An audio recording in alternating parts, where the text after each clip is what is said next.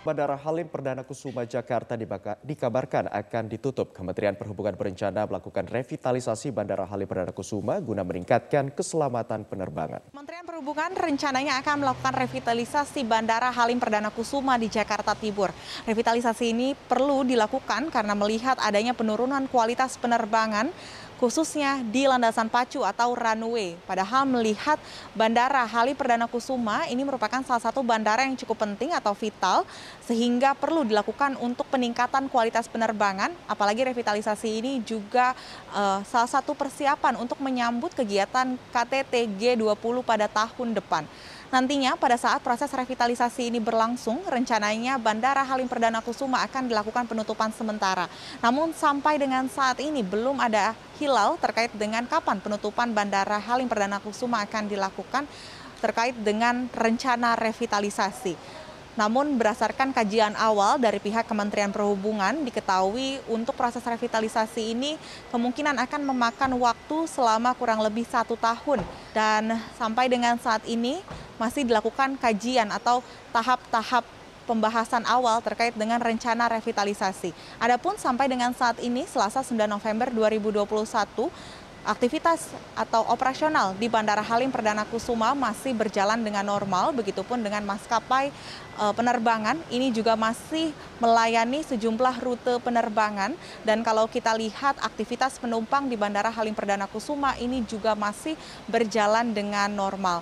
Sampai dengan saat ini pihak Kementerian Perhubungan masih terus membahas terkait dengan rencana revitalisasi bersama dengan sejumlah pihak terkait mulai dari Kementerian Pertahanan, TNI Angkatan Udara, Kementerian Keuangan, PUPR, sampai dengan pihak Sekretariat Negara dan juga PT Angkasa Pura II serta sejumlah pihak terkait untuk membahas terkait dengan rencana penutupan dan juga rencana revitalisasi tersebut. Dari uh, informasi awal bahwa penutupan kemungkinan akan dilakukan pada bulan-bulan November ini.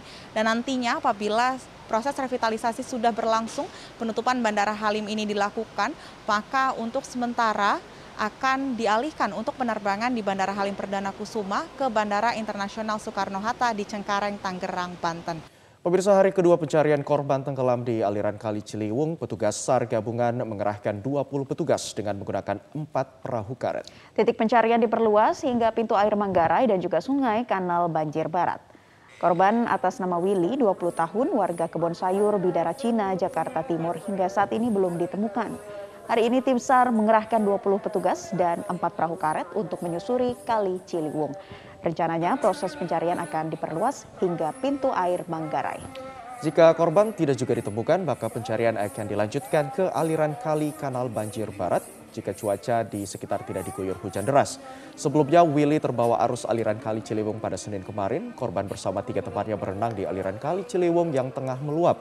Ketiga temannya berhasil sampai ke tepi kali, sementara korban tidak berhasil melawan arus air, kemudian terseret arus hingga tenggelam. Kemarin uh, pencarian sore hari yang kemarin dilakukan oleh teman-teman damkar hari ini potensi uh, potensi besar kita akan turunkan ya. Pemirsa puluhan negara telah sepakat mengakhiri pemakaian batu bara dan menghentikan pendanaan bahan bakar fosil. Ya, negara Inggris mengatakan berakhirnya era batu bara sudah di depan mata, tapi memangkas perekonomian yang dihasilkan batu bara bukan hal mudah bahkan bagi Inggris sendiri. Berikut kita simak laporan dari tim VOA. Pembakaran batu bara adalah penyebab utama terbesar perubahan iklim. Dalam konferensi COP26, lebih dari 40 negara berjanji untuk sepenuhnya menghapus batu bara dengan tenggat tahun 2030 bagi negara kaya dan tahun 2040 bagi negara berkembang. Negara yang menandatangani termasuk konsumen besar batu bara seperti Vietnam, Indonesia, Polandia, dan Ukraina. Negara-negara ini bersama beberapa bank global dan lembaga keuangan juga berkomitmen mengakhiri semua investasi di pembangkit listrik tenaga batu bara yang baru.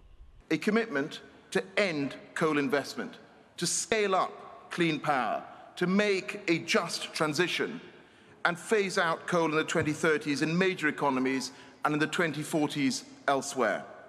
Tapi banyak konsumen batu bara terbesar dunia, termasuk Tiongkok, Amerika Serikat, Australia, dan India, tidak menandatangani kesepakatan. Sementara emisi CO2 meningkat mendekati tingkat sebelum pandemi. Behind this, uh, we see uh, a rapid rise in the emissions uh, in China, particularly pushed by uh, probably uh, economic stimulus packages. Secara terpisah, 25 negara termasuk Amerika Serikat berjanji menghentikan pembiayaan publik untuk semua proyek bahan bakar fosil di luar negeri pada akhir tahun depan. Tapi investor batu bara utama di Asia, yakni Tiongkok, Jepang, dan Korea Selatan, tidak menandatangani kesepakatan itu. Menurut Inggris yang menjadi tuan rumah COP26, serangkaian kesepakatan ini menunjukkan berakhirnya batu bara sudah di depan mata, meski sepertinya masih jauh. Inggris sendiri sedang mempertimbangkan membuka tambang baru untuk memproduksi batu bara bagi pembuatan baja.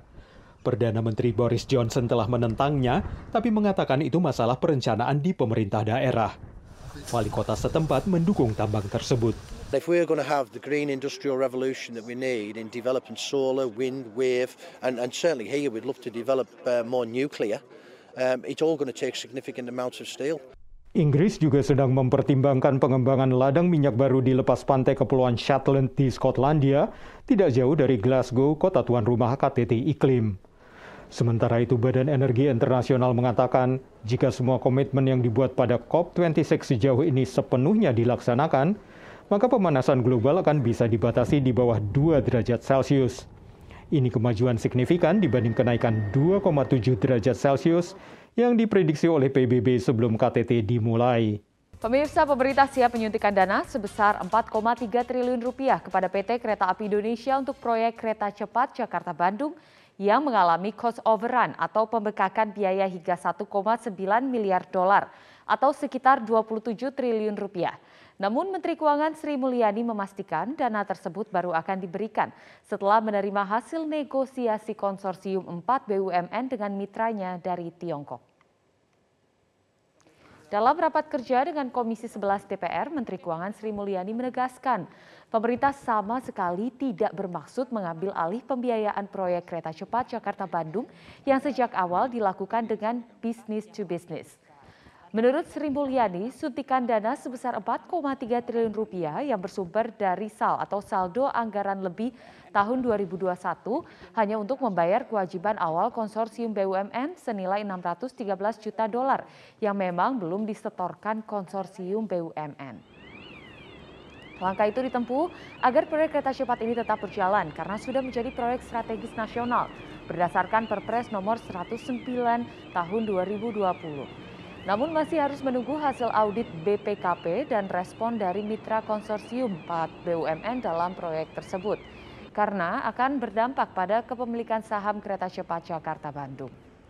Dalam hal ini bendara negara melalui keuangan negara harus masuk ke dalam ini. Satu, secara prosedural.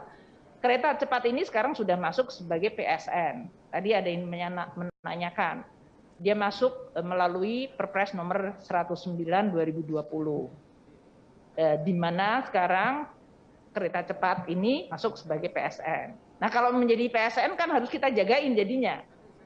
Di situlah muncul tadi berbagai hal. Jadi poin saya, Bapak dan Ibu sekalian, saya paham Bapak dan Ibu sekalian menanyakan mengenai governance dari proyek ini. Saya punya posisi yang sama dengan Bapak dan Ibu sekalian dan oleh karena itu kami akan sebelum kita step in, make sure kita melakukan audit. Audit yang dimiliki oleh kami adalah BPKP. Jadi sekarang ini bahkan audit mengenai komposisi ekuitas awal maupun mengenai bagaimana ke depannya termasuk tadi ada versi mengenai cost of run kami akan melihatnya di situ. Sekarang memang ada yang disebutkan cost of run yang tadi disampaikan. Tapi kami belum menerima dalam bentuk data dan kemudian sikap dari partner yang dari RRT sendiri untuk menyikapi cost of run ini. Karena buat mereka ini kan juga sesuatu yang bukan prestasi Pak kalau cost of run. Jadi mereka juga akan melakukan audit, kami akan melakukan audit sehingga kita semua sama-sama tahu apakah cost of run-nya adalah karena seperti pembebasan tanah yang kompleks atau ada masalah teknis lain, kita nanti akan lihat dari sisi itu yang kami usulkan hari ini adalah kewajiban awal dari empat BUMN ini untuk menyetorkan ekuitas awal agar proyek ini jalan. Jadi kami belum mengambil alih sesuai yang tadi yang dikhawatirkan oleh Bapak dan Ibu sekalian. Kalau Bapak dan Ibu sekalian punya kekhawatiran, itu malah bagus. Jadi menjadi amunisi saya untuk melihat secara lebih detail lagi, termasuk menggunakan semua audit-audit yang akan kita lakukan. Tapi make sure bahwa sama seperti proyek strategis nasional, kadang-kadang satu proyek itu kita jalankan mungkin baru punya nilai ekonomi yang bagus itu 20 tahun kemudian sama seperti jalan tol Jagorawi waktu Pak Harto dulu membuatkan dianggapnya belum visible tapi sekarang sudah menjadi overcrowded. Jadi kita mungkin juga perlu untuk melihat semuanya. Posisi kami tentu tetap kita akan bekerja sama dengan KL terkait termasuk Menteri Perhubungan dan yang lain-lain. Ini gimana? Karena nanti sama seperti yang tadi disampaikan. PSO-nya akan seperti apa? ticketingnya seperti apa, dan untuk membuat proyek ini menjadi visible harus seperti apa. Ini sekarang yang harus menjadi fokus kita supaya proyek strategis nasional yang tertuang dalam Perpres 109 2020 bisa berjalan. Ya, pemirsa, Kementerian Pariwisata dan Ekonomi Kreatif mencatat kunjungan wisatawan Nusantara ke Bali meningkat tajam setelah syarat perjalanan udara boleh menggunakan tes antigen. Menteri Pariwisata dan Ekonomi Kreatif Sandiaga Uno mengatakan sejak revisi syarat wajib perjalanan udara dari PCR menjadi antigen, rata-rata kunjungan wisatawan Nusantara ke Bali per hari sebanyak 9.500 kunjungan atau meningkat 20 persen dibandingkan sebelumnya yang mencapai rata-rata 8.000 kunjungan. Sandi berharap tingkat kunjungan wisatawan Nusantara ke Bali tetap terjaga, mengingat hingga saat ini belum ada langsung penerbangan mancanegara menuju Bali karena adanya syarat wajib karantina di Indonesia. Kemenparekraf juga terus memantau kedisiplinan penerapan protokol kesehatan oleh wisatawan maupun pelaku industri pariwisata.